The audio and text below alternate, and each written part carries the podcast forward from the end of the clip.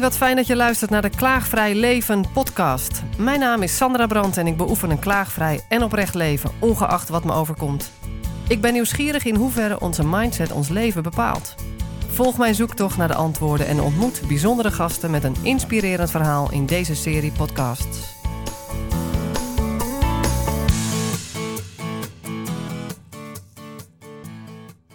Hi, mijn naam is uh, Mulder. Ik, uh, ik ben woonachtig in Gorsel, daar zijn we nu. In uh, mijn praktijk, praktijk Salu.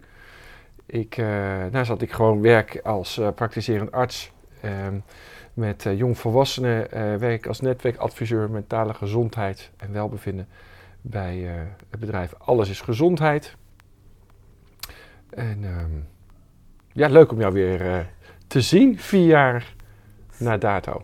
Ja, wij hebben met elkaar eerder gezeten en dan in de radiostudio, hè, bij Studio Alphen. Ja. Een hele andere setting. Ja. wij hebben net onderweg even naar de drogist moeten gaan, omdat er een batterijtje leeg bleek van de, de opnameapparatuur. Kwam jij even achter. Ja. Uiteindelijk hebben we jouw laptop moeten, moeten aansluiten. Het is praktijk Salu. En ja. uh, hier naast ons ligt Baloo. Ja. Andere kant van jou? Nee, van mij. Ligt, naast jou. Ja. ja. Lieve hond. Die ging ook mee naar de drogist. Blijft gewoon netjes buiten zitten. Ja. Een ijsje op de terugweg. We hebben eigenlijk volgens mij hebben we al twee uur doorgebracht voordat we opnamen gingen We hebben alles voorbereid. We hebben geen idee wat er nu gaat komen. maar dat tekent wel meteen onze manier van leven volgens mij. Dus uh, we zitten allebei met een boekenwerk open waarin we wat geschreven hebben, maar ik kijk er eigenlijk niet in. Nee. Als zijn een soort van voorbereiding, maar geen idee wat ons uh, weer uh, uit de mond gaat komen. Ja.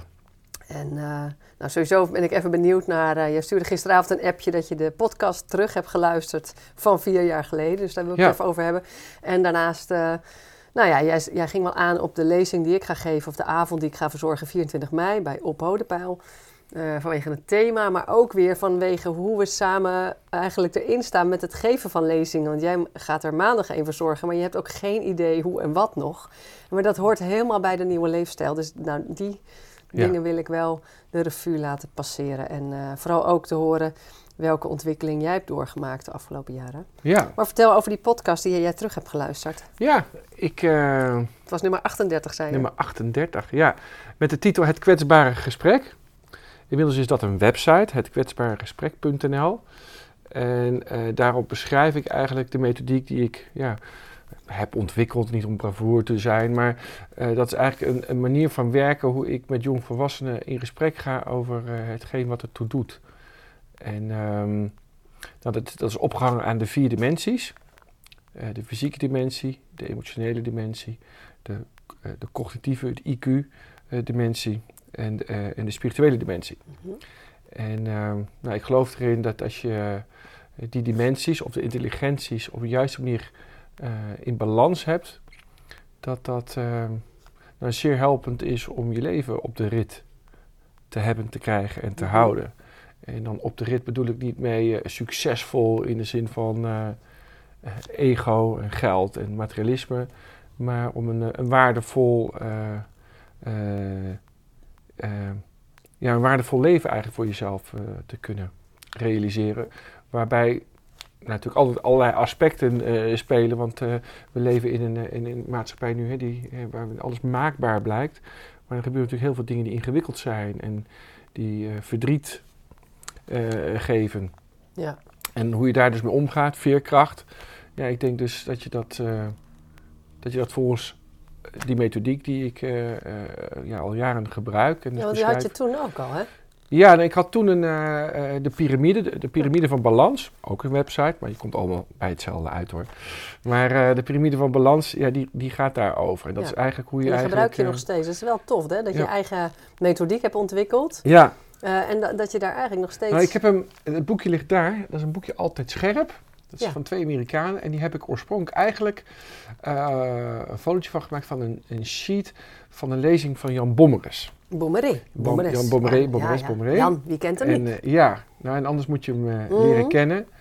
Ehm, Hij heeft mij geholpen met de laatste fase van het schrijven van mijn boek op zo'n fijne manier. oh, prachtig. Hij heeft ook een heel mooie aanbeveling geschreven voor mijn boek. Nou, kijk. Of ik moet eigenlijk zeggen ons boek. Mooie, Eh, mooie, mooie verbinding tussen jou en mij op deze Ja, Jan. Het is eh, het Ja. boek eh, In Gesprek met Jongvolwassenen en daar heeft hij een hele mooie aanbeveling ook eh, voor, voor geschreven, waar ik hem heel dankbaar voor ben. Maar er was een sheet van hem. Ja, en daar stond, die er stond een piramide op met die vier dimensies. Nou, ik was al langer ook wel bezig met die vier Mm. dimensies. Maar toen zag ik die terug in een piramide. Nou, het is niet een piramide zoals Maslow met een hiërarchie. Bedoel, alle lagen in die piramide zijn even belangrijk en Ah, ja. essentieel. Ehm, en die heb ik eigenlijk gewoon wat meer doorgewerkt en, en, en, en, ehm, en, en, en doorontwikkeld, zeg maar, op mijn manier, mijn Ja. visie. In contact Maar met ik heb het eh, idee dat die wel klopt. Ja, want het is neem ik aan uit het leven gegrepen. En eh, Ja, passend met wat jij tegenkwam al. ja.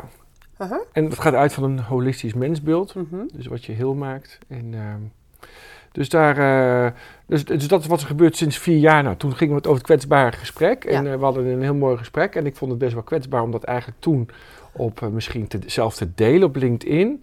En ik denk dat ik die, zelf die transformatie heb doorgemaakt de laatste vier jaar. Dat, ehm, Mhm. dat ik eigenlijk eh, eh, doe wat ik zeg en zeg wat ik doe vanuit mijn hart. En dat ik dus niet meer zo bang ben om de dingen heel erg cognitief goed af te wegen en af te stemmen. En klopt het wel? Eigenlijk dus vanuit een angst leven om bijvoorbeeld zelf afgewezen te worden voor je visie of de manier Ja, hoe jij eh, denkt of wat je van dingen vindt. Dat is wel herkenbaar, en ja. dat, is je- denk ik wat ik eh, echt eh, Ja. volledig, nou volledig, laten we niet zeggen volledig, maar grotendeels heb losgelaten. Ja, daar ben je echt wel en daar heb ik echt, ja, dat Ja, want ik merk dat ook, dat ik dan eigenlijk geen dingen opschrijf op LinkedIn vanuit die angst. Maar dan laat je eigenlijk een stuk van je kwaliteit liggen. Ja, nou, dat, of dat in ieder geval ik. breng je het niet in de, in ik, het spotlight. Ik was niet zo'n schrijver. Ik, ik vermeende toen ik jong was, was ik dyslectisch. Ik kon niet echt meekomen, maar dat heeft gewoon een, een bepaalde oorzaak. Eh, ik was de jongste van vijf. En ehm, ehm, ja, ik, ik, ik heb een soort, eh, tussen aanstekens, zeg maar, trauma op, op schrijven. Een ja. keertje een opstel maken en, eh, en, en heel veel, ik had heel veel fantasie. ja, en ik kon verhaal, helemaal, jij kan niet schrijven. ja, zo. en dan een drie. Dus er was een overtuiging, maar jij kan niet schrijven. En eigenlijk door middel van LinkedIn ben ik enerzijds meer en meer gaan delen en schrijven. Dat is ook een soort Ja. bent- manier geweest om mezelf nog meer in taal te kunnen uitdrukken. Ja. Nou, dat, dat lukt mij best wel aardig inmiddels. Ja, maar en hoe Eh, graag is het niet zo dat we mensen echt willen ontmoeten in wat ze werkelijk te vertellen hebben? Want ieder mens is uniek en heeft iets bijzonders in te brengen. Alleen als daar al zelfcensuur op zit, is wel hartstikke zonde natuurlijk. Ja. Maar kom er maar overheen. Ja. Maar je hebt dat wel doorwerkt. Ja. Dus je bent, want je zei met dat eh, vier jaar geleden, voelde je je eigenlijk zelf nog kwetsbaar om het te delen? Ja, omdat je dus bang bent. Kijk, ik ben natuurlijk gemarineerd in het medisch model. Je bent dokter en dan moet je natuurlijk volgens bepaalde protocollen, richtlijnen en zienswijzen moet je werken. Labels, diagnoses.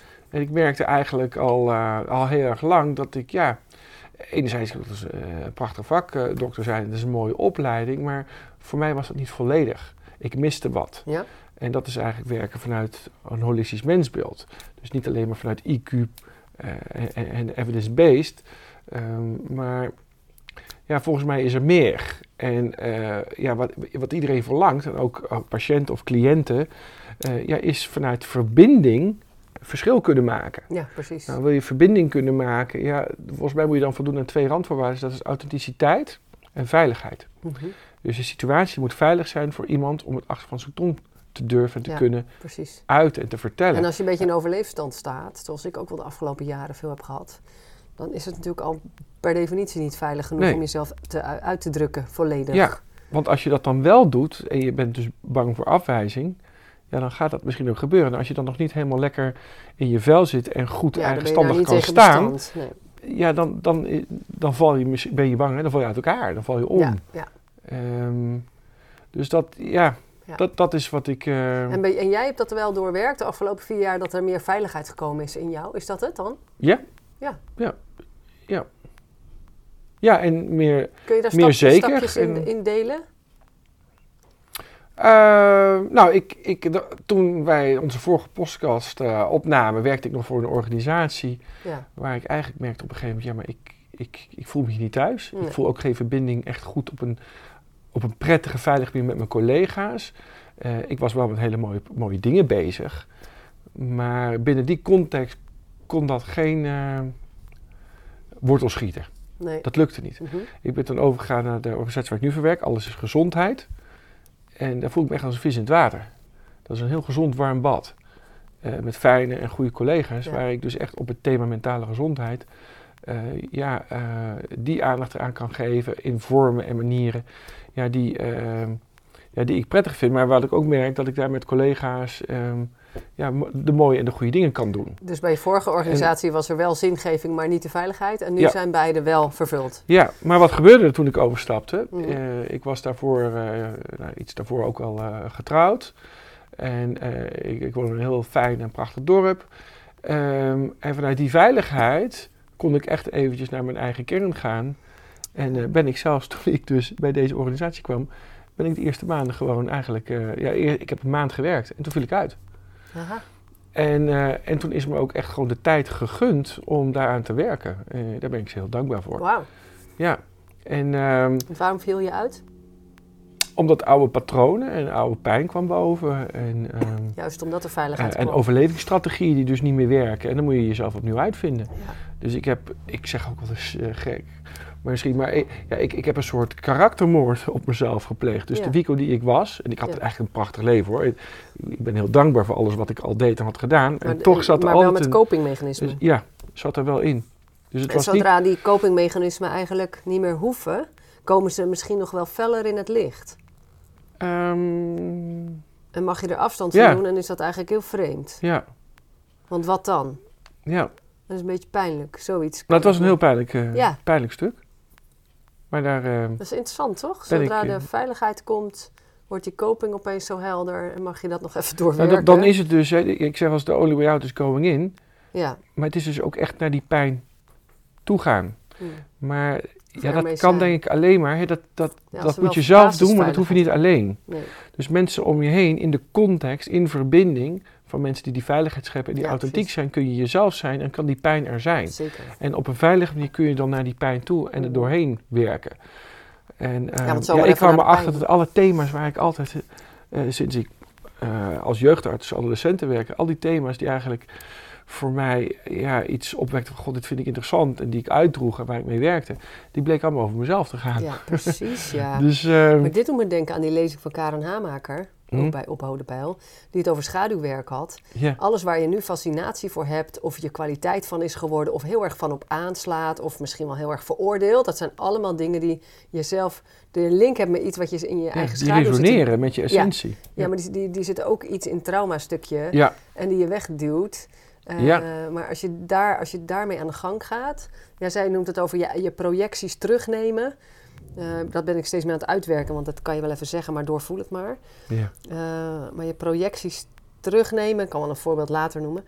En dan dus je eigen schaduwwerk doen en dan vervolgens wel je kwaliteit benutten die je hebt opgedaan.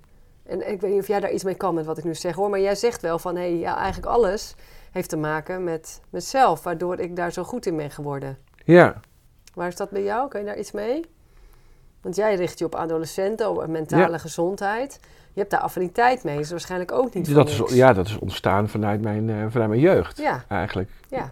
Maar ook vanuit een pijn waarschijnlijk. Eh, ja, Ja. ja, ja.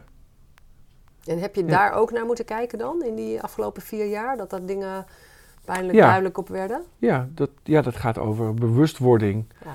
eh, ten aanzien van waar je in, in opgegroeid bent. Ja, de omstandigheden, de context, de dingen die je hebt overgenomen of dingen die er misschien niet waren, die Ja. je eh, misschien Wel emotioneel hebben. wel had eh, gewenst of waar je naar, eh, Ja. naar verlangt. Ja. Eh, Emotionele verbinding en dan, hè, dan hebben we het dus over, over ACEs. Nou, ik, ik, eh, ik heb geen eh, hele verschrikkelijke nare dingen meegemaakt. Daar kan je alles bij voorstellen bij trauma. Maar eh, wat er speelde was met name eh, ehm, ja, over het emotionele stuk. Ja. Daarin gezien en gehoord worden. En, en, Ja. en ja, daar heb, ik in, daar heb ik wel wat dingen in gemist. Nou ja, dat is ook uh, inmiddels ik- algemeen bekend dat je daar ook behoorlijk Ja. getraumatiseerd van kan Ja, raken. nou, en met name die, st- dat stuk vind ik heel interessant. Ja. Omdat het, dat het zo... Dan, gaat het, dan gaat het ook weer om de verbinding, Ja, Ja. waar jij het nu elke keer over hebt. Ja. Ja. Ja. Dus dat is jouw, ehm, ja, en je pijnpunt en je kracht geworden. Eh, ja, want da- daar ben je al, da- daar ben ik al vanaf mijn, eh, sinds ik eh, ging studeren. Ik, ik ging op een, eh, 19 naar Amsterdam. Of ik heb eerst in Utrecht gewoond een jaar of twee. En toen ben ik naar Amsterdam gegaan. En sinds die tijd spelen die thema's. Ja. En speelt er al een bepaald soort terugkerende pijn en, en een soort ongemakkelijkheid. En ehm, ja, daar echt helemaal doorheen gaan. Het heeft heel lang geduurd. Ja. Terwijl ja, ik, ik leefde van de buitenkant een, een prima leven. hoor. En Ja. het was allemaal hartstikke leuk. En toch, Ja, onderhuid speelde er wat. Er was maar, je hoor- maar, je, maar je wist het niet echt. eh, nee, maar dat is ook een soort vermijding. Ja, Eh, ik heb er wel naar gezocht. Ja. ehm, ehm, om daar los van te komen of daar, Ja, dat aan te gaan. Dus vandaar ook interesse in allerlei soorten. Ik, meestal deed ik dan een opleiding in plaats van dat ik een therapie deed. Maar ik ging gewoon een opleiding doen. Oh en tijdens de opleiding leerde je heel eh, veel. leer je heel veel van Tuurlijk, jezelf. En eh, werk je ook met je Zo eigen was je wel aan het zoekende. Ja, ja, Maar de afgelopen vier jaar, omdat het en qua relatie een veiligheid extra Ja. kwam. eh, de plek Ja. waar je ging wonen Ja. voor veiligheid. Vertelde je al in de wandeling net in de. Dorpstraat. ja, Eh, de, de werkgever bood Ja. veiligheid en na een maand kaboom. ja, Eh, we- ja, had jij tijd nodig om en, en eh, ruimte. En dat kreeg je om nu Ja. echt te gaan aankijken eh, wat daar nog lag. En, en was er dus voldoende basis om dat ook te kunnen doen? Ja, ja. Is dat de ja. Al die randvoorwaarden die waren eh, op elkaar goed afgestemd, waardoor het... En eh, Bijzonder, hè? Ja, en daaruit zijn hele mooie dingen voortgekomen. Ja, want, vertel. ehm, ehm, ja, in- inmiddels is, ligt er dus een boek. Ja, Eh, ik heb een eh, praktijk, nou daar zijn we nu. ja. Ehm, ik vind mijn baan heel erg leuk, maar de dingen die we doen, ja, die, die gaan, eh, vind ik, best goed en Ja, leuk. Eh, ja. We hebben een podcastserie die over deze thema's gaan. Waarin we mensen uitnodigen om in hun eigen tijd een documentaire te kijken. En vervolgens organiseren we een lunchwebinar met experts die over die documentaire praten. Dit zijn documentaires die altijd over ACEs gaan. Adverse Childhood Experiences. Zegt hij nog eens? Adverse? Adverse Childhood Experiences. Mhm. En Leg dat eens dat, uit. eh, dat betekent dus datgene wat je meemaakt op vroege leeftijd. Ja. Ehm, dus trauma's die je meemaakt met de grote T of de kleine T. Daar bedoel ik dus mee met de grote T, nou bekend, eh, Ja, ja, de, ja. de, de ernstige dingen. En de kleine T, die De zijn vaak die je niet gehad hebt, op Ja. de verbinding die je niet gehad hebt. Ja. Eh, nou, die hebben dus heel veel effect op je ontwikkeling, eh, op het Ja. vormen van je identiteit. ja. Op het ontwikkelen zelfs ook gewoon van ziektes. Hmm. En ehm, ja, daar is heel veel kennis over gekomen de laatste jaren. Ja. En toch mis ik eigenlijk in ons zorgsysteem echt de aandacht voor dat Ja. soort aspecten. Ja. En dan gaat het ook over gewoon lichaamsgericht en traumasensitief werken. En eh, nou, middels deze lunchwebinars ja, proberen wij vanuit onze organisatie ja, een steentje bij te dragen dat dat Ja. meer bekendheid krijgt. Ja. Gaaf. En, ehm, dus ehm, ja, die worden nou, redelijk goed eh, bekeken en, En dat is, dat is iets wat, wat jij gewoon bedenkt samen met collega's. En waar Ja. je ook de vrijheid voor hebt om ja, in de markt te zetten, zullen we maar zeggen. Ja. Bekend te krijgen. Nou, een andere, we hebben natuurlijk COVID eh, gekregen eh, op een gegeven moment. En ja, al voor COVID was ik eh, zeer zorgelijk over de mentale gezondheid van jongeren. En ja, toen kregen we de lockdowns en de jongeren gingen niet meer naar school. En ja, die, die zoeken dan ook hulp. Ja, waar doen ze dat? Ja, toch heel vaak online. Mhm. Omdat voor veel jongeren is het toch ook kwetsbaar Ja. om hulp te zoeken. Ja. En die gaan dan toch eerst googelen. Ja, waar kom je dan uit? En eh, nou, er zijn allerlei goede instanties in Nederland. Maar eh, ja, een, daarin kunnen kiezen. Dus toen hebben we Jongerenhulp Online bedacht. En, eh, Dat, dat, is was, al een paar jaar geleden inderdaad, hè? Ja, Drie jaar geleden of zo? dat was in begin... eh, de eerste dus, maatregelentijd, we maar ja, zeggen. dus het begon in, rondom februari, maart. En Ja. ik heb dat samen met een collega van mij in, in, in twee weken toen in elkaar Ja. geknutseld. Toen stonden daar zes of zeven organisaties op. En toen met eh, de coronagelden vanuit VWS hebben we dat zeg maar meer volwassen kunnen maken. En toen eh, ze- hebben we het zeg maar, de 2.0 versie gebracht met een tooltje waarin je met een aantal vragen bij de organisatie uitkomt waarvan wij denken, nou, die kan jou het beste even online gratis anoniem steunen. En eh, inmiddels zijn het 20 plus organisaties. Dus Ja. Tof, hè? ja, dat zijn toch leuke en mooie dingen. Ja, om, zo, en, en dit is echt, en het is super waardevol wat je dan doet voor anderen. En het onderliggende verhaal vind ik buitengewoon interessant. Dat als je dus op de een of andere manier je veiligheid weer terug kan krijgen, dat veiligheidsgevoel, ja, dat er dan een oud stuk te, door te werken valt. eh, van jongs af aan wat daar nog ligt. Het trauma met kleine en grote T. ja, En dat je dan vervolgens je kwaliteiten volledig in kan zetten. Want jij zegt, ik doe nu wat ik zeg en ik zeg nu wat ik doe. Ik heb daar ook niet meer zoveel uh, terughoudendheid op, op LinkedIn bijvoorbeeld. Dus dan voel je je natuurlijk hartstikke vrij. Ja, ja je voelt, ja, je, voelt je vrij en je komt echt uh, ja, in de... maar dan kom je ook de mensen tegen die juist daarop aangaan en dan, dan ga je samen vliegen. Ja, je wordt dus ja, dat, is, dat, ja, dat is synchroniciteit is dat. Ja. Daar geloof ik heel sterk in. Nou ja, en, en daarnaast uh, ook gewoon feitelijk dat je uh, niet meer bang bent om iets te zeggen, dus je mond houdt, maar dat je het gewoon uitspreekt, waardoor ook die mensen kunnen zien wat je doet. Ja. En even denken, oh, ik ken nog iemand en uh, jullie moeten eens praten. en dan kan het nog steeds zijn, ja, precies. En dan kan het nog steeds zijn dat mensen het niet bij je eens zijn, maar dan zit er bij mij niet meer, zeg maar, nee. die, die, oude reflex van, goh angst voor afwijzing. Hè? ik, ik was ik vroeger best wel meer en meer een pleaser. Ja. Uh, want je wilde toch leuk en aardig gevonden worden. Ja. wie wil dat niet? Nee, daar hebben we allemaal wel last van in eh, meer of mindere mate. En um, ja, ik kwam er ook achter, ja, in deze maatschappij die heel erg IQ-gericht is. Mensen willen zo graag met elkaar in discussie. Het debat. Ja, weet je, daar hebben we altijd verliezers. Volgens mij is de kunst met elkaar in dialoog te gaan, waardoor je dus je kunt mm. verplaatsen in wat de visie is van iemand anders. Daar hebben we het ook in de, de, podcast vier jaar geleden ook even over gehad, volgens mij. Die herken ik nog, en ik ja. denk dat, ja, dat verrijkt, denk ik, je, leven luisteren, meer. Dus dan luisteren zonder dat je al meteen weer een oordeel hebt, bedoel je? Ja. Ja. ja. Want ja, wat is de waarheid? Dat is, dat is heel ingewikkeld. Ik zei, kun je gewoon luisteren terwijl jij sprak? Zei ik, het was doorheen, dat is ook leuk. ja. ja, luisteren, dat is ook een... Uh, dat is wel een dingetje. Maar ik vind het echt Luisteren super, om te horen. Super vet om het te, te, zien. Ook, je, ziet, oh, je ziet ook gewoon dat je beter in je vel zit. En dat, je, dat het beter stroomt, zeg maar. Ja. Dat kan ik wel zien. Ja. Dat gun je gewoon iedereen, toch? Ja, ik, uh, we hadden het ook even in ons voorgesprekje even over slaap. Oh ja. En... Uh,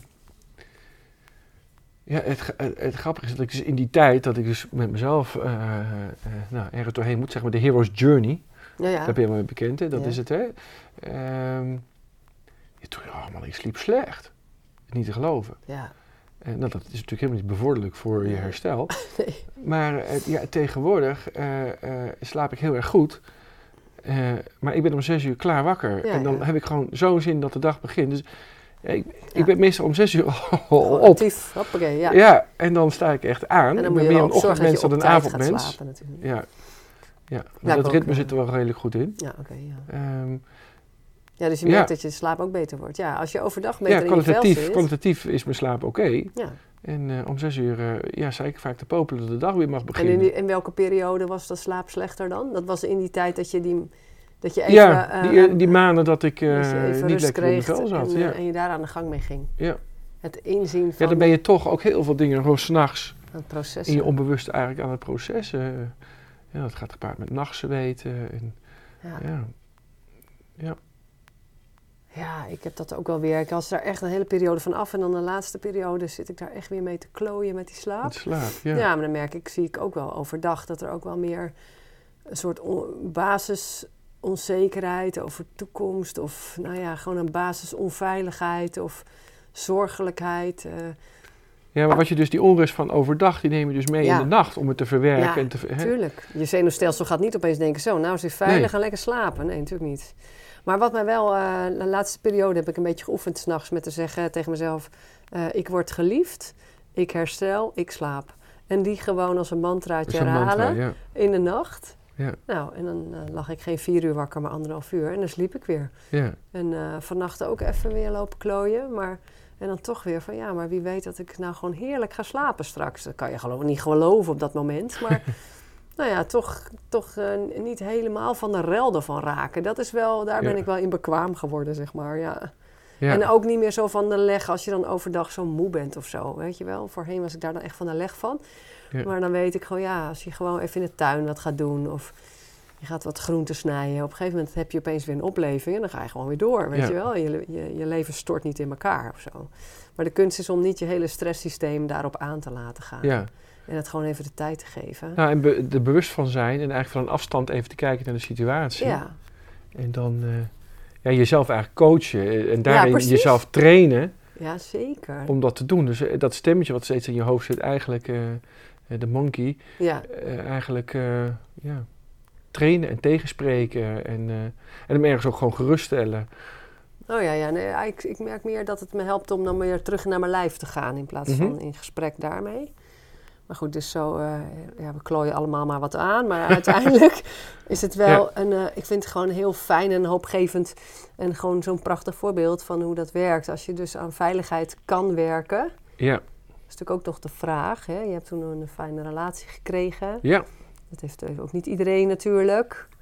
Eh, dat zijn ook dingen die op je pad komen. Je Ja. hebt een fijne werkgever gekregen. Maar ja, aan de andere kant, dat, dat is dat zijn wel beslissingen die je maakt. Het is je wel Eh, toegevallen. Het is niet toeval, zeg maar. Dus nee. er is wel iets in jouw gedrag geweest waardoor dat ook ontstaan is, lijkt me.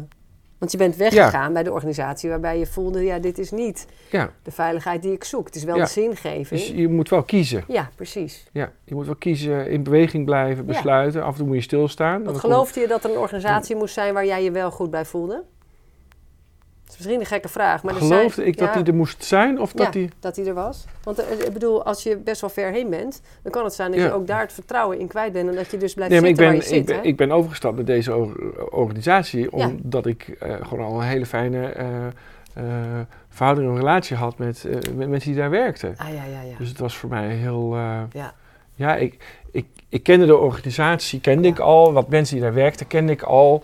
Ehm, Nou ja, goed, Dus ik ja, ik vraag had- het omdat eh, men- mensen die echt het vertrouwen een beetje verloren zijn, die blijven zitten in een, in een, in een, in een giftige situatie, relatie, eh, werkrelatie. Ja. Omdat ze gewoon niet meer vertrouwen, niet de veiligheid genoeg ervaren, dat er voor hun ook een betere optie voor de snuffert ligt. Ja. Dat is best een ding dan hoor. ja.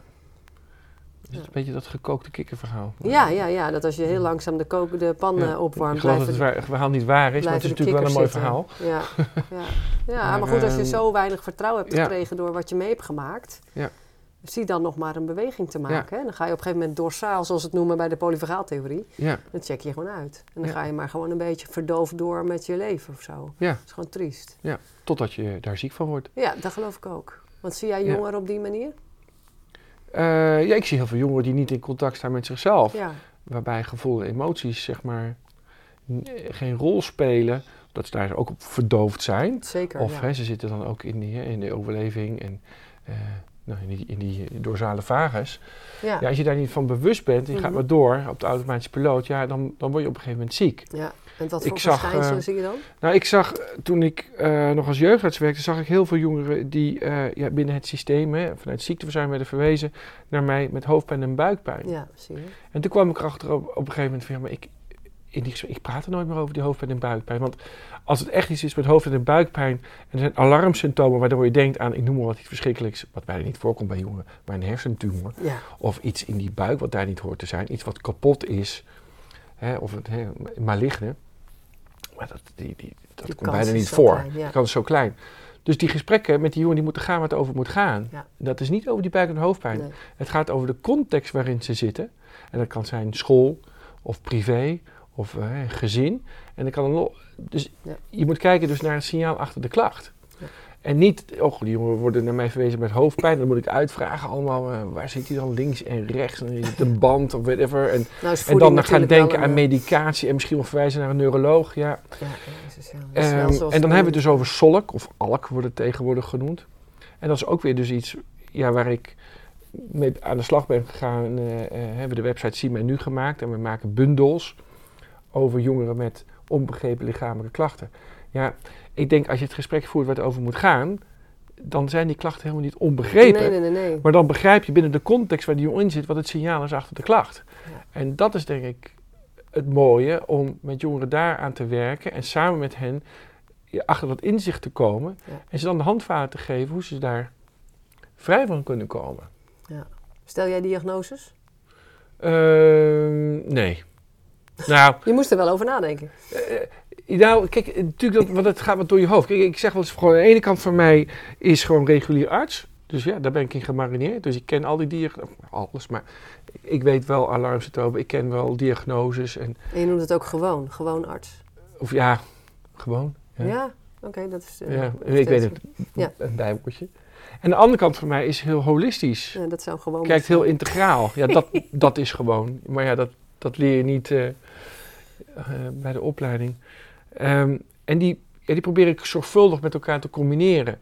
Waarbij mijn wij een voorkeur is dus met te richten op gezondheid, zal u te genezen. En niet te focussen op ziekte, wat het medisch model is. Dus wat Mhm. artsen over het algemeen doen. Mhm. En als het gaat over acute geneeskunde, ja, we hebben prachtige zorg in Nederland. Ik bedoel, daar is niks mis mee. Het is wel hele dure zorg. Ehm, als ik mijn been breek, whatever, ja, en ik ga naar het ziekenhuis en er is acute zorg, dan is dat hartstikke goed. En daar ben ik heel erg blij mee dat we dat hebben. Maar ja, bijna alles wat, wat langer aanhoudt, wat we dan dus chronisch noemen, ja, dan denk ik dat het medisch model tekortschiet. Ehm Jan Bommers maakt daar ook weer een hele mooie opmerking over. Dat is ook een hele mooie podcast met Richard de Let. Dus onder alles wat chronisch zit, zit meestal trauma. Mhm, mhm, Dat geloof ik Ook zeker. een ja. Die is vrij recent, toch? Nou, die is wel een jaar, misschien wel langer oud. Oh, maar dat is echt een, Ja. eh, een hele mooie podcast van eh, Mhm. Jan Bommers. Nou, denk eh, ik dat Richard. voeding van deze periode, van de laatste 50 jaar, 30 jaar, ook een grote rol speelt. Voeding, Ja. ja. Naast trauma. Maar boeiend, Jij, ja. om, om, jij bedoelt met voeding Qua oorzaak van, ziekte. van ziekte, ja. Ja, Als je kijkt wat genormaliseerd is aan wat, je, wat ze voeding noemen. In de ja, bijna, supermarkt. bijna alles wat in de supermarkt ligt be- bevat geen voedingsstoffen meer. Nee, toch? Nee. Als ik dan kijk bij eh Centerparks eh, wat de gemiddelde mens eh, aan overgewicht meeneemt. Ja, Dat is dan normaal. ja. De normale. En als je ziet wat daar verstrekt wordt aan eten, dat is geen eten meer. Ja. Maar we zijn het allemaal normaal gaan vinden. Ja. Dat is toch bizar, hè? Ja, ja voeding is een, eh, een hele belangrijke, een hele ingewikkelde. Maar die paaseitjes Ehm. waren lekker die je nog had. Jawel, hè? Ja. Eh, En, en dat in relatie weer tot mentale gezondheid en voeding eh, is natuurlijk het microbioom. Ik weet niet Ja. of je daar wel eens een keer met iemand over gesproken hebt in een podcast. Volgens mij wel. Maar dat is Ja, zeker. eh, ja. dat is Ik heb een, eh, eh, een eh orthomoleculaire ja, dus voedingsdeskundige er ook in komt de steeds meer lijst. Kennis over dat er veel meer eh, eh, signalen gaan van het lichaam naar het hoofd dan andersom. En dat dus voor je weerstand, maar ook voor je emotionele welzijn en balans, dat is het microbioom. Mhm. eh, en dat zeg maar goed onderhouden. Ja, het wordt ook steeds dat bekender. het zo hè, essentieel ik, is. Ik zag laatst ook weer een leuke LinkedIn live van Frank Boon. Daar had ik een gesprek met een dame. Zij is ook een voedingsdeskundige, maar zij zei exact wat ik al heel lang ervaar. Dus als je echt op je voeding let, is dat je ook helderder wordt intuïtief. Dat is nou niet zo'n eh, eh, sexy eh, ding om te zeggen of zo in het openbaar. Maar het is zo waardevol om en er blijft veel meer energie over Ja, voor die dingen die relevant zijn. Want zeg maar, het- al die spullen die je bij de supermarkt koopt met al die E-nummers, ja, die moet het lichaam wel afbreken en verwerken. Die moeten wel door de lever en door de nieren. Dat Ja. kost natuurlijk allemaal energie. Hmm. En die energie gaat dus niet naar creativiteit. Nee, je hebt gelijk. En ik- ja, ik merk ook gewoon dat het gewoon mistig dan wordt Ja. als je niet goed eet. Dan hebben we nog alle verslavingen. Nee, die ken ik niet. Je- Paaseitjes? Nee, maar het, het wordt je Ja, zo makkelijk gemaakt in ja, deze zeker. maatschappij Ja, om niet naar die emotionele pijn Precies. te hoeven te gaan. Nou ja, dat is eigenlijk precies waar mijn avond ook over gaat. En waar je ook bij Op Hodepeil een stukje over leest. Is dat ik nooit heb willen gaan voor eh, labeling van mentale eh, momenten van het moeilijk vinden in het leven bij mezelf. ja. Maar wat blijft er dan over? Ja, dus dat je het doorvoelt. Ja, Ja. dan heb je een hoop aan te kijken. En dat is niet altijd makkelijk. En hoe doe je dat dan? Als je je ook niet wil verdoven met alcohol of met pillen. Want ik las laatst Ja. weer een artikel op LinkedIn... hoeveel mensen er aan de pillen zitten tegen angst en eh, weet ik het wat allemaal. En van heel veel pillen word je ook ziek. Nou, dat sowieso Dus ook. het is symptoombestrijding heel vaak. Ja. Maar van heel veel medicatie ja, wordt het lichaam natuurlijk ziek. En er overlijden heel wat mensen door medicatie, heb ik wel eens gehoord, per Ja. jaar. Maar dat, een arts die schrijft daar, heeft daar een boek ook over geschreven, geloof ik. En zij Pil. probeerde haar voor de podcast te strikken, maar het is me nog niet gelukt. Ze heeft het zo druk. Maar zij werkt op de afbouwpolie van een eh, GGZ-instelling. Ja, tapering. Nou, dat zou kunnen, ja. Maar goed, dus, dus wat als je dat allemaal niet wil gebruiken... Ja. En hoe dan in het leven te leven waarin je wel verbonden wilt leven. Dus ik wil mijn lichaam belichamen. Ja, Ik wil er echt zijn met een open hart, met eh, contact in het intuïtieve veld. ja. Eh, dan zie ik dus heel veel mensen als zombies lopen en dat doet mij wat. Hoe ga je daar allemaal mee om? Weet je? En dan zie ik die voeding in de winkel, wat helemaal geen voeding is. ja. Hoe ga je daarmee om? Dan zie ik dat ik onwijs getriggerd word door bepaalde emotieloze uitdrukkingen. Dat heeft iets te maken met mijn jeugd. Doet me heel veel, nou, dan wil ik dat doorwerken. Ondertussen doet het me allemaal wat, weet je wel? ja. Ja, daarover praten is dan niet zo sexy misschien eh, eh, op de doorsnee gesprekken eh, overdag. Ja, Het ligt eraan met, Nou met ja, wie jij je geluk- omringt. Gelukkig heb ik een hele mooie mensenverzameling, maar hè, dus in de wachtkamer of whatever. Nou ja, hoe ga je daar allemaal mee om? Gewoon, ik wil het echte leven leven, maar zonder al die verdoving en zonder labelingen. Dus daarom, ja, ik vond het mooi om daar een avond voor te vullen. En jou, jou sprak het aan. Waarom sprak het je aan? Eh, ja, even het woord alleen ophodenpeil. Dus ik dacht van, goh, ga je naar een eiland? Of op, Oh ja, nee, ja, zo heet die locatie. Het is een Ja, prachtige dus ik kerk. had er nog nooit van gehoord. Een prachtige kerk met restaurant, met een hele bijzondere energie als je daar binnenkomt. Met een Ja. eh, echtpaar wat een hele prachtige visie heeft, vlakbij Delft, Schipluiden. Maar goed, ja, maar ja, ik vertelde jou waar het over ging in het voorgesprek, of daar. Ja. Daar ging je wel van op aan. Nou, eh, volgens mij ging het ook wel best wel over, als we het hebben over kwetsbare dingen, over essenties. En dat betekent ook van, goh, ja, eh, leef ik het leven wat ik wil leven eh, met mezelf? Mm. Ehm, en dat is ook de titel volgens mij van... eh, ja, stap je eruit, of stap je eruit, stap je erin. Dus dan gaat het echt over, goh, ja, maar ja, ik, ik- ergens heb je niet gekozen voor dit leven. Anderzijds misschien weer wel, maar je, wordt geboren op deze aarde in een bepaalde context. Eh, wel of niet met overlevingsstrategieën. En je komt er weer achter van, ja, of je krijgt gedachten over, goh, ja, maar wil ik dit? En dat is denk ik een hele essentiële eh, vraag die overigens ook heel veel jongeren, jongvolwassenen zich op een bepaald moment in hun leven ook wel afvragen. Dus dat is niet zo'n gekke gedachtegang. Maar als die wat langer aanhoudt en je krijgt daadwerkelijk daar veel, ja, veel meer eh, gevoelens en gedachten bij, ja, dat, dat houdt mij ook wel bezig. Eh, want veel jongeren lopen daarmee rond. En zeker ook nu. Ehm, in 2017 was het aantal jongeren met suïcides behoorlijk hoog. Het heeft VWS ook gevraagd om eh, dat te onderzoeken, wat daar nou aan ten grondslag lag. Ik ben toen eh, bij dat onderzoek wat door 113 werd uitgevoerd betrokken geraakt. En nog steeds af en toe vanuit de dataverzameling die we toen hebben gedaan, eh worden er nog artikelen geschreven en publiceer ik daarop mee. Dus met het thema, om het maar gewoon te noemen, suïcide of zelfmoord, ja, daar heb ik zeker wel wat, wat mee. Hmm. Ehm, in die zin van dat het me intrigeert. Eh, omdat ik, ja, ik ben wel levenslustig. En ik kan me absoluut voorstellen met hetgene wat je meemaakt, met, eh, ja, dat je misschien op een gegeven moment niet meer ziet zitten. Nee, dat is En- natuurlijk. Dat je op een gegeven moment momenten eh, meemaakt in het leven. En dat je Ja. Gewoon niet meer weet hoe Ja. nu. Dat je dus echt die verbinding kwijt bent met jezelf Ja. en met je omgeving. En, ehm, en los daarvan het thema dood aan zich, ehm, ja, dat, dat krijgt ook in onze maatschappij, in onze cultuur eigenlijk ook niet denk ik de aandacht die het behoeft. Waardoor het ehm, ja, ook weggedrukt wordt. We zagen dat ook in, tijdens COVID. En ja, ik, ik vind dat wel essentiële belangrijke thema's, omdat die zo bij het leven horen. Ja, Dat is zo- zo'n onderdeel. Dus daarom ook met collega's zijn we, een, eh, zijn we bezig al met eh, verlies en rouw. Ehm, eh, ja, daar ook dingen op te organiseren. Omdat het gewoon belangrijk is om daar toch ook taal aan te geven. Mhm. Ehm, Heb je er ook al mee gestoeid in jouw leven? ja, ik denk dat ik... eh, nou, twee, drie keer was het geen grill, maar ben ik daar wel serieus ook wel even mee bezig geweest. Ja, Ja. van... eh, ja. En dat was Ja, dan ook als een soort escape dat je niet meer wist hoe het nou moest? ja, het radeloosheid. Ja, dat is Ja, het, ik heb dat wel echt, echt eh, Ten is diepste gevoeld. En dat is, vind ik belangrijk om daar toch wat Ja. meer over te gaan vertellen. eh, eh, ook dan. En niet al te veel, heel erg diepzinnig. Maar ik geloof dat heel veel mensen hier wel mee stoeien en dat niet Ja. uitspreken. En volgens mij is dat juist een eh, enge ontwikkeling als je het alleen maar voor jezelf houdt. Terwijl, ja, Ja. het is waarschijnlijk een vrij veel voorkomende gedachte dat je radeloos bent op momenten. Ja. En het echt niet ziet zitten en niet weet hoe je verder moet. En dat zijn. Ja, dat kan af en toe even spelen, maar het kan best een zware dobber voor je worden. En als je dan niet wil verdoven met troep en je wil wel doorleven en aankijken van... hé, hey, wat triggert mij dan? Zoals ik, ik wil weten, wat Ja. triggert mij dan? Ja. Want er is iets wat geraakt wordt Ja. en ik wil er naar kijken. Maar hoe ga je daar dan mee om? En voor mij is de titel Stap je eruit. Dat gaat over het leven, van die radeloos dat je het even niet meer ziet zitten... maar echt wel diep niet ziet zitten. Naar of stap je erin. En dat gaat voor mij over... Het antwoord voor mij is een bezield leven leiden. Ja. Hè, maar ja, dat vraagt ook wat moed, want bezield leven is eigenlijk voorbij je triggers. Want als je gaat reageren op triggers, dan ga je reageren, maar niet creëren.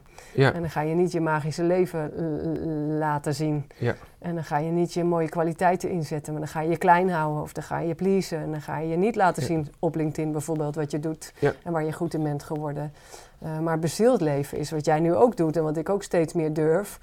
Eh, maar dat je ja, gaat doen waar je echt voor gekomen bent hier. Ik geloof dan wel dat je gekozen hebt om hier te zijn. Uh, en, en dat de ziel ook een, uh, Ja. dat het een bedoeling heeft.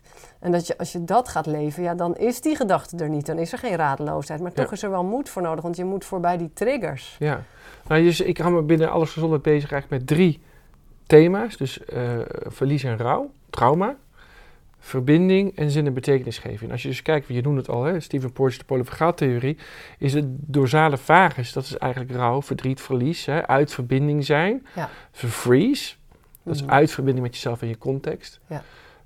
Eh, als, je dan in, als je dan in de middelste fase komt, dus hè, fight Stapje flight, hoger. hè, hoger, Dan kom je in dat de is eigenlijk verbinding. En verbinding dat is eigenlijk met jezelf en met je context. Nou, eigenlijk, het gaat altijd wel over, je moet het alleen jezelf doen, maar je hoeft het niet alleen te doen.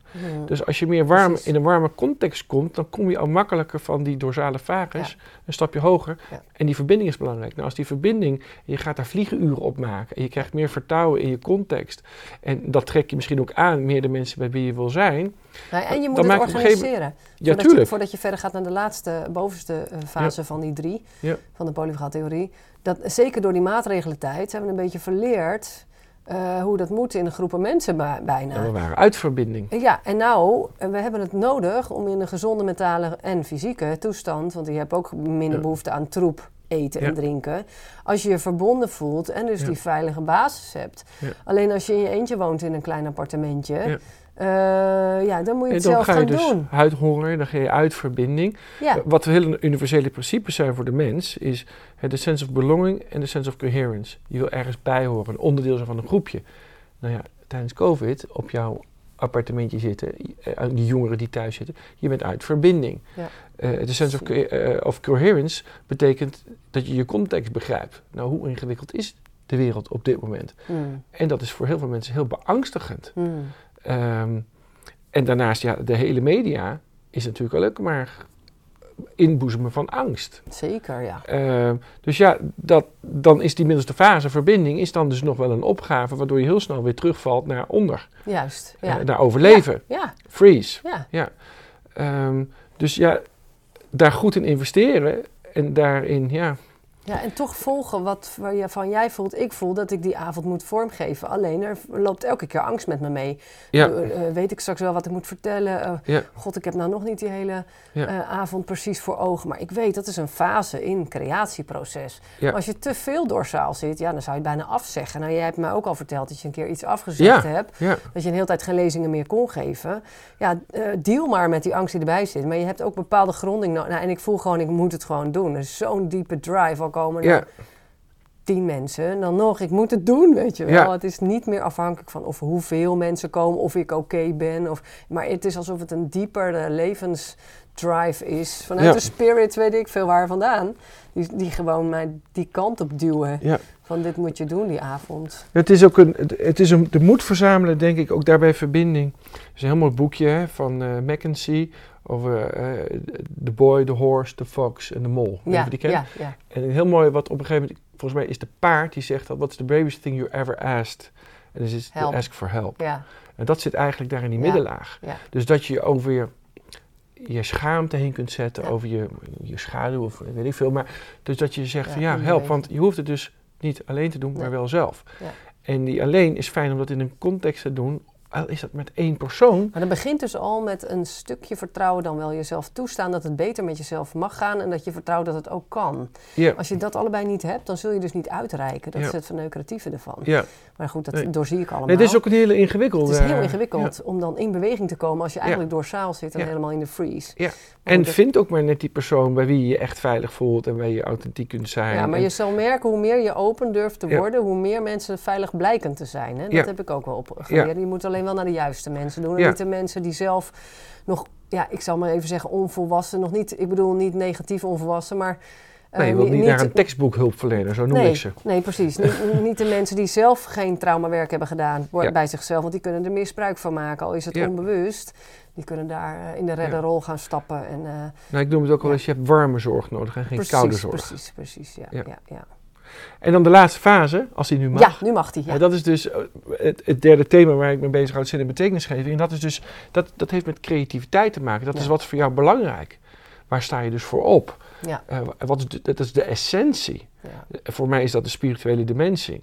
Je bezield Eh, leven, hè? dat is je bezielde leven, Dan stap ja. je erin, daar Ja. stap je in. Als je daarin en daarin zit creativiteit. En hoe meer je daarop Ja. afstemt, hoe Ja. meer je daarmee kunt gaan doen, Ja. of, of daarna gaat leven en Ja. voelt wat dat is.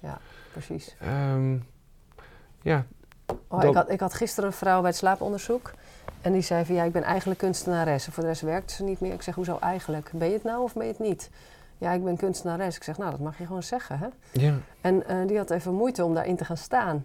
En toen ben ik door met haar gaan vragen. En dat zat er wel een kamertje, maar die stond nog helemaal vol. En eh, met andere spullen. Ik zeg, joh, hoe zou het zijn dat die leeg is? Zodat je daar weer jouw dingen kunt maken. En hoe zou het zijn als je dat samen met iemand leeg zou maken? Nou, ze wist meteen wie ze zou vragen. En, eh, Ja. Nou, en, ze, werd helemaal, ze leefde helemaal op. En ze kwam eigenlijk uit die doorzale fase, zo zag ik het. Weer naar eigen regie. Ja. Naar dat waar zij eh, gelukkig van wordt. ja, Ze kwam helemaal in haar eigen centrum terecht. Voelde ik gewoon. Dat was zoiets Ja. moois. gaaf. Ja, vind ik echt mooi om te zien. En dat zijn, de denk ik, dat, dat is zeg maar, ja, dat noem ik dan, een- dat is een kwetsbaar gesprek wat je met iemand hebt. Ja. Waarbij je eerst dus een setting hebt gecreëerd waar je dat überhaupt kan. Want iemand voelt het veilig om dat überhaupt tegen jou te zeggen. Ja. Ehm, precies, ook dat, ja. Dus dat is een heel waardevol, eh, bijna transformatief ja, pro- proces ook. of gesprekje wat je dan hebt. Ja? Met, gesprekje, ik wil het niet kleiner maken. Nee, maar dat heb ik, dat heb ik vroeger ook ervaren als toen ik nog werkplekonderzoeker was. En dan ging ik vaak ook even één op één. Maar dan in, aan één gesprek was er werkelijk een transformatie daarna. En dan kwam je een maand later naar een totaal ander mens. Joh. Dat heb ik meerdere keren meegemaakt. Je wordt door het mens. En volgens mij is dat ook mens-mens contact. In plaats van dat je vanuit een hiërarchie of vanuit het aanhebben van een witte jas met een bepaalde titel ja, eh, bepaalt wat voor iemand goed is. Ja. En wat jij denkt van, goh, nou, dit, dit moet jij maar gaan doen. ja. Maar als dat niet vanuit verbinding is, dan kun je maar wat allemaal hebben gestudeerd aan, en, hè? en kunnen. Eh, maar als er geen verbinding is, dan, dan, vindt er, dan vindt er geen verandering plaats. Ja. Ik, dat vind ik ook weer, ik haal hem nog één keer aan. Maar volgens mij Jan keer Bommeré. ook Jan Bommeré relaties gaan stuk aan gesprekken die niet worden gevoerd. Ja. En ja, ik denk dat heel veel gesprekken helemaal geen woorden nodig hebben. Maar die zitten al in een bepaald soort oogopslag en verbinding. En een context die je creëert waar mensen zich Ja. eh, welkom voelen. Ja. Ik denk dat dat al zo'n belangrijke basis legt. Maar dat begint voor... bij de verbinding in jezelf. Want jij bent ook heel erg aanwezig in jezelf. En ik ook. En daarvanuit kunnen we in contact met elkaar. Maar het is continu zuiverheid. In afgelopen, wat zijn we nu? Drie uur verder samen. Ja, Ik voel de hele tijd zuiverheid. Jij ook? ja, ja, absoluut. Ja. Maar dat is omdat we allebei eerst in onszelf verbinden, denk Ja. ik. Maar dat betekent niet dat ik of jij met iedereen kunt verbinden. Ik denk ook Nee. dat je bepaalde mensen wel resoneert en bepaalde mensen Hmm. niet. En ik denk dat het ook in de zorg Ja. eh, of als zorgverlener whatever ook belangrijk is dat je ook gewoon durft te zeggen van goh ja, ik denk dat ik het niet voor jou Nee, precies. kan. Eh, of dat wij geen match zijn om jou verder te helpen. En daarin Als ook het gewoon, goed is, voelt de ander dat ook. Zou ik bijna denken, ja. ja. en dat dan ook aangeven. Ja. Ik, denk dat, ik denk dat het wel belangrijk is voor heel veel mensen om, eh, als je dus hulpzoekende bent, Ja, dat je echt aanvoelt van is, is die klik hier. ja, die klopt er bij mij. Die, die klik is randvoorwaardelijk om Ja. samen stappen te kunnen ja, gaan je, zetten. je huurt als het ware iemand in. Ja, ik moet denken aan mijn fysiotherapeut met die hand, eh, die, die pols. Die zei gisteren, ja, de vorige keer zei je dat je nog wel een keer wil afspreken na de eerste keer. Is dat nu ook weer zo? ik zeg, ja, ik huur jou in, dus ik wil toch zelf aan het stuur elke keer voelen of het nog nodig is. ja. In plaats dat ik standaard bij de fysiotherapeut loop, totdat het systeem zegt dat het klaar is. Ja, weet je ja, ja, je hebt het twaalf behandelingen en dan zegt de zorgverzekeraar nee, sorry, het houdt op.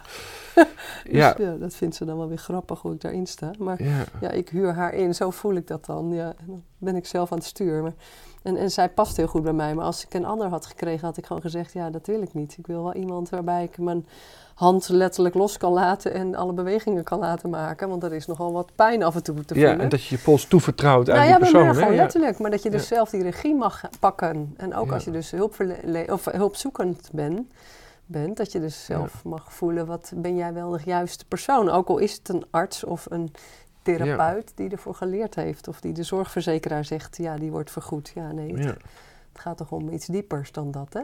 ja. Ja.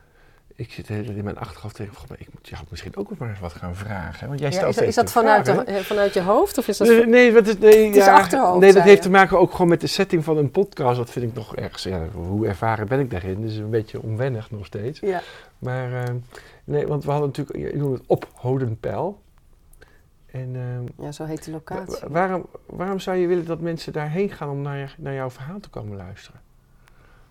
Nou, het is eigenlijk bedoeld voor mensen die hierop aangaan sowieso. Die misschien Ja. zelf ook met radeloosheid lopen op momenten. Eh, die zelf ook zoekende zijn naar meer een bezield leven. Eh, die de polyfagaaltheorie vaker horen en denken, waar gaat het over? Want het is heel boeiend en gewoon basisinformatie. Want daar ga je ook wat over Daar vertellen ga ik dan. een mini-college over geven daar. Ja, mooi. Eh, ik heb een stembevrijdingsdocent erbij eh, ingehuurd. Die, eh, ik weet niet wat we gaan doen, maar we gaan iets met stem doen. Ja, ik wil mensen echt laten voelen wat het is om echt te landen in je hart. Dus ik wil iedereen ook persoonlijk welkom heten in het begin. In stilte. Misschien Ja. wel sokken, schoenen uit aan het begin, en één voor één. Echt. Dat ik, als ik er echt helemaal ben, dat anderen ook kunnen landen. In, ja, mijn zenuwstelsel zegt dat het veilig is, omdat ik dat dan heel bewust doe. Helemaal vanaf het begin. En dat anderen ook voelen van, oh ja, zo voelt het als ik weer in mijn lichaam voel. En eh, ja, dat je daarmee een soort goud creëert in die kerk. Het is echt Mhm. een prachtige locatie op een hele mooie... Qua energie voelt die locatie ook nog eens bijzonder. Maar dat je daarmee een soort magie, magisch veld met elkaar voelt door er gewoon te zijn. En zo wil ik eigenlijk al beginnen. En dan moet ik nog maar kijken wat ik daarna ga zeggen. En of ik nog wat ga zeggen. Nee, ik ga sowieso wat zeggen. Ja, dus wel een stuk uit mijn eigen ervaring. Uit Ja. mijn eh, klaagvrij eh, beoefening van al jaren. Ik heb natuurlijk jaren geoefend en daarna een boek geschreven, Klaagvrije Maandag. Met de vraag, wat komt er voor klagen in de plaats? Als je wel Ja. oprecht wil blijven. Nou, die is zo boeiend dat mijn hele taalgebruik veranderd is. ja, En die, dat blijkt dus nu een enorme kracht als ik mensen begeleid in wandelsessies. Ja. In, want ik hoor aan taal waarvanuit je praat. En eh, woorden doen ongelooflijk veel. En door net even anders te kiezen, of, en dan voelt het gewoon totaal anders. En komen er ineens allemaal mogelijkheden voor je snuffert. Door gewoon andere taal te gebruiken. Alleen, ik heb in mijn afgelopen jaren ontdekt dat in die momenten van radeloosheid, dat ik het niet meer zag zitten, dat met mindset je niet alles kan tackelen. Je kan gewoon niet alles tackelen met mindset. Dus ik ben gaan oefenen met manifestatiekracht, met intentie zetten, met afstemmen op het veld. Ja, eh, ik heb laatst, eh, hoe heet hij nou, Pim van Lommel, dat is die cardioloog, ja. Ja. Fantastisch mooi interview Ja. gezien. En die heeft het ook over het veld. En denk ik, oh wat fijn. Ik begin dat het laatste jaar pas, eh, durf ik het te zeggen. ja, en ook in de podcast wat vaker uit te spreken.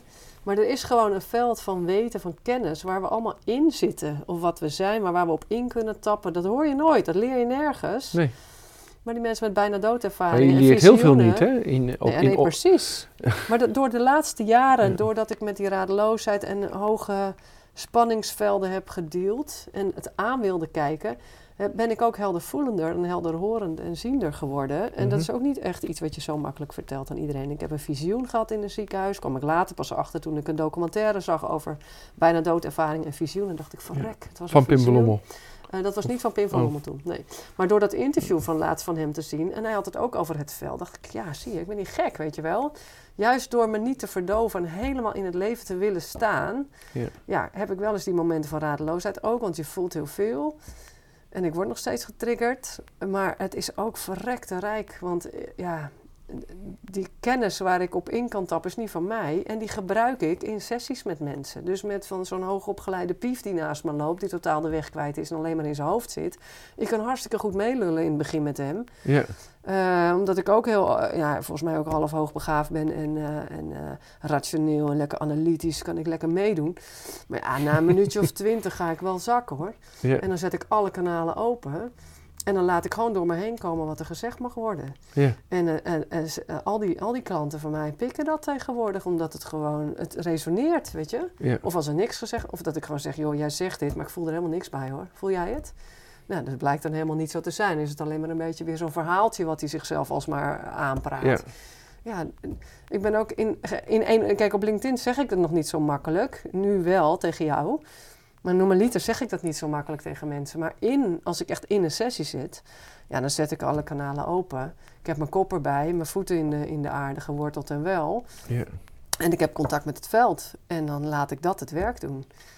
Ja, op een manier, het- ik krijg het nog steeds niet uit mijn handen om dat nou op mijn website te zetten. Maar eh, ik krijg wel nu alleen maar de klanten die daarbij passen ook. Dat is toch ook interessant hoe dat Ja. werkt. ja. Want hoe komen ze dan bij jou? Ja, dat is dan toch, eh, weet ik eigenlijk ook niet hoe dat ontstaat. Nou, je vertelde net eh, ook iets heel moois. Dat eh, je had een, een klant, een huisarts geloof ik, en een zorgmanager. En dat je, nou, dat traject mogelijk je, heb je beschreven. En dat daar dus ook wel een vergoeding goed tegenover staat. Ja, die wordt vergoed door de arbeidsongeschiktheidsverzekering. Ja, ja, dat is, dat is wel heel bijzonder. Ja, terwijl het, ja, ik wil zeggen terwijl, maar dat woordje terwijl is taalkundig al bizar. Ik wou zeggen terwijl het een methode is die ik volledig zelf heb ontwikkeld. Vanuit mijn levenservaring, vanuit mijn studie, vanuit mijn boekontwikkeling. Ja.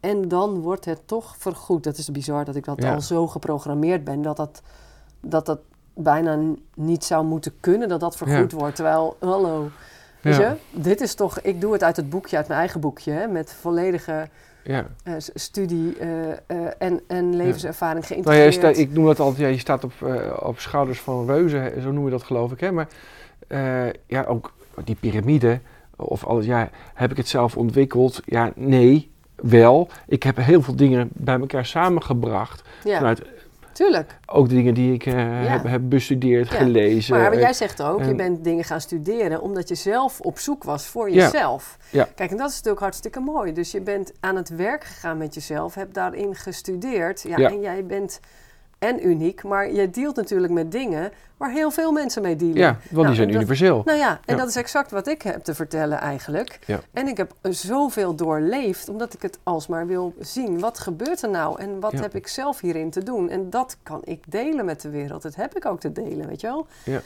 Dus ik wil bij Op Houtbouw echt een ervaring eh, leveren in contact met de mensen in de kerk die daar komen. Ja. Ja. en mensen die daarop aangaan, die dit horen, ja, die zijn van harte welkom. Ja. Ja. Hoe kunnen ze zich aanmelden? Ja, bij ophodenpeil, eh, precies zoals je het zegt, met lange ei.nl. Daar staat op 24 mei eh, de lezing Stapje eruit of Stapje erin. Je kan er ook komen via mijn website, sandrabrand.nl, Sandra Brand met DT. Ja. Daar zie je gewoon een linkje van ophodenpeil en daar klik je op. De kaartverkoop gaat niet via mij, die gaat via daar. Dus rond Ja. de 20 euro geloof ik. En je kan er nog een hele avond van maken als je bijvoorbeeld met een bekende van je gaat die ook geïnteresseerd is. Dat je samen eerst gaat eten vooraf in het restaurant, heel fijn. En dat je daarna daarheen gaat. Want je loopt binnen door naar de kerk in. Leuk. Ja, Ja, ik moet helaas die weer missen. Net Ja, zoals jouw uh, bij lancering van jouw boek. Moest ik ook missen. dat was Maar ook zo'n mooie show met heel veel eh, ja. ja. ervaring en eh, rijkdom. Ook met verschillende mensen op het podium toen. Dat doe ik dan nu niet. Maar... Ja. Ja, fijn. Wil jij nog iets zeggen? Heb je genoeg gezegd? Nee, eh, het, is, eh, het is weer een mooi gesprek. Net zoals de vorige keer gingen we ook, dat zei je toen aan het einde ook weer van links naar rechts. En eh, ja, ik hoop dat het voor de luisteraar Ja, eh, inspirerend of interessant is. Nou, ik heb niet het gevoel van Eh, links naar rechts. Dat is meer het Mm. idee van het oude denken nog. Van hoe we Mm. opgeleid zijn. Dat je dingen voorbereid moet hebben op Ja. bepaalde methodo methodologisch verantwoorde manier. Ja, Maar wij gaan beginnen vanuit het veld van niet weten, maar gewoon vanuit connectie. En dat is wat de Ja. wereld nodig heeft. Dus we hebben precies gebracht wat we hadden te doen. ja. Zo, amen. Mico, waar kunnen mensen je nu vinden? Eh, ik woon in Gorsel, ze kunnen me hier vinden. Eh, het is praktijksalu.nl en ehm, eh, of hetkwetsbaregesprek.nl of eh, de piramide van balans.nl. Maar je komt allemaal bij hetzelfde uit. In gesprek met jongvolwassenen.info. Je komt allemaal bij hetzelfde uit, bij mij. Ehm, niet dat ik het allemaal weet, maar eh, nou, als dit je mensen interesseert of ze willen hier meer van weten. En, Ja. Ehm, nou, dan van harte uitgenodigd. En wat is de om, eerstvolgende eh, ding wat je organiseert of waar je mede aan bijdraagt, waar mensen naartoe kunnen? ehm, 21 ja, ik juni? weet niet. Wa- eh 21 juni is het uh, jaarcongres van Alles Gezondheid. Ja. Ehm, eh, wij organiseren, wat ik eerder al zei, lunchwebinars. Ja. De eerste is 16 mei, dus ik weet niet of deze podcast dan al, of dit al online Tuurlijk, is. Het is gratis voor mensen om dan in hun eigen tijd de documentaire in Utero te kijken. En we hebben dan twee hele mooie sprekers. Hoe komen ze daar? Dat is via de website van allesisgezondheid.nl en Ah, oké. dan naar de agenda gaan. Ehm, 16 mei. Dat is, eh, dat is eh, op 16 mei. Eh, we hebben ook de Week van de Mentale Gezondheid. En dan zullen wij alle drie de documentaires. Dus dat is van Gabor Maté, The Wisdom Ah. of Trauma. Ja. Dat is Resilience. En dat is in Utero. Zullen wij nog een keertje in die week gratis ter beschikking stellen voor mensen om die in hun eigen tijd te Wanneer kijken. is die week? En dat weet ik even niet uit mijn Ongeveer. hoofd. Dat is de Mental Health de Week for Mental Health in Europe. In welke Ehm, maand? Dat is in juni. Oké, dat vinden we wel. Ja, weet ik even niet zo uit mijn hoofd. Excuseer. Anders zetten we dat onder in de, Ja, in de, comments. in de comments. Ehm, Is goed. dus dan kunnen mensen die drie Ja. documentaires eh, eh, Nog een keer zien. zien. En ook de bijbehorende De lunch- lunchwebinars, eh, die staan gewoon in de agenda van Alles Gezondheid. Kunnen mensen die, eh, die terugkijken. Alles is gezondheid. En ik zag Ja. een podcast met ehm, Henk Fransen en Jorn Luca bij de Truman Show. Ja, En die heeft het ook over, nou ik weet niet of, dit- of ik het goed zeg, maar dat ziekte ook, dat we, nou ja, ziekte is bij wijze van spreken ook gezondheid. Maar in ieder geval dat we zo alsmaar bezig zijn met in balans komen, uit balans gaan. En dat ziekte ook weer een manier is om je les te pakken en te kijken wat leert het mij. En, Ja. Nou, het was een Ja. bijzondere... het signaal achter de klacht. Ja, het is een mooie eh, verschillende manieren van kijken, wat absoluut niet wegneemt dat het eh, vreselijk kloten kan zijn als je echt eh, ja. Ja. iets hebt. Maar ik vind het ook altijd weer mooi om te, anders te gaan. Wat, welke manieren kun je nog meer kijken naar ziekte dan de gangbare manieren? Soms geeft dat juist de hoop die je zocht en de handvatten. Of, eh, ja. Ja.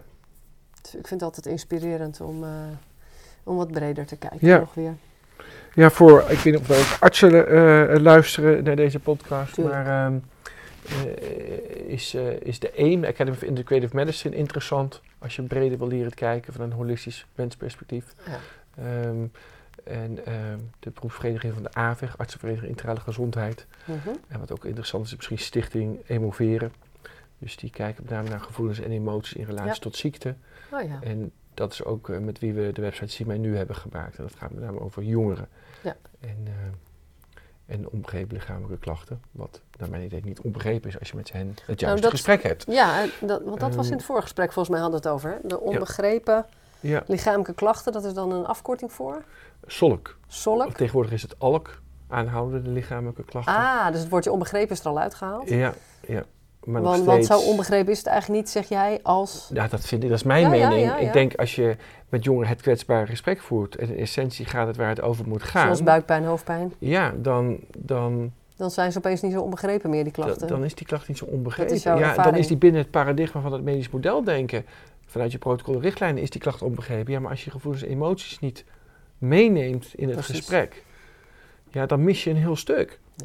Ja, en ik merk ook als, er, als je veel in de eh copingmechanismen zit, veel in spanning en niet in veiligheid, dan krijg je gewoon buikklachten van ook. Ja, Dus hoe, hoe kun je je lichaam bewonen? Is het veilig genoeg, weet je wel? Want Ja. je lichaam bewonen betekent ook ontspannen. Ja. En dat is ook beter voor je vertering en eh, spijsvertering. Ja. Even, even kort door de bocht misschien, maar dit is wel wat ik zie bij eh, de Ja. jongeren die ik dan eh, dicht bij me heb, zeg maar. ja. Nou ja, ik denk dat heel veel jongeren dus niet in balans. Dat is omdat ze het ook niet geleerd hebben. Mhm. En dat past ook eigenlijk ook gewoon bij de levensfase en jezelf ontdekken. En ja, dan ga ja. je erop uit. Maar als die niet begrensd worden, Nee. dan leven ze dus niet in balans. Volgens nou, zeg maar dat model wat ik gebruik, de piramide, in die vier dimensies. Nee. Ja, dan gaat het scheef. Ja. Dus als je die, ook die, Ja. die, die inzicht niet hebt, maar je krijgt ook niet de tools, ook niet eh, ja, daarop inzicht, en je leert het niet. Nee. En sociaal-emotioneel leren is nog steeds geen vak op school. Terwijl gevoelens en emoties en in het kader van verbinding zo essentieel zijn. Zeker. Ja, als je dat niet leert en je staat dus toe dat iemand alleen maar op zijn iPad zit of sociale media, wat allemaal leven is aan de buitenkant voor heel veel. Sociale media doet ook hele goede dingen hoor, maar eh, over het algemeen zien we dat dat soort aspecten, denk ik, ontwrichtend is. Ja. Met name in, in je ontwikkeling, in je identiteitsvorming. Zeker, geloof ik ook. ik heb ook Ehm, een, eh, een jonge man in de podcast staan die helemaal onderuit is gegaan door gameverslaving. Maar wat gewoon niet gezien is, omdat hij altijd goede cijfers haalde verder. En eh, vervolgens totaal in depressie raakte, begin twintig. Ja, nou ja, uiteindelijk daar een boek over geschreven heeft. Maar die is ook wel even interessant, ja. ja, Heftig hoor. ja. En dat geldt dus ook voor ja, hele ba- basale dingen als slapen, voeding, bewegen. Ja. Ehm Ja. eh, ja, dat Hey, belangrijke dingen. Nico, ik vind het helemaal Ja. tof om je weer gesproken te hebben. Over vier jaar weer. ja, nou, dat, dat lijkt me leuk. Dat is, eh, dat is goed, 12 jaar. Dan, dan ben ik helemaal in veiligheid. Ja, En dan ik wens je je toe en ik wens je een heel mooie, mooie avond toe eh, bij Ophodenpijl. Jij bent met die naam. Het is nog steeds een grappige naam. Maar ehm, Je moet er zeker eens naartoe, echt waar. Het is een bijzondere plek. Dankjewel. ja, leuk en heel fijn dat je hierheen kwam naar Ja, het, mooie Gorsen het waar altijd de zon reis. schijnt. Kijk, het schijnt nu ook weer. Ze zeggen de reis is belangrijker dan het doel, maar ik vond het allebei leuk. Ja, heel mooi. Op- leuk, Op je naar de weg terug. Dankjewel.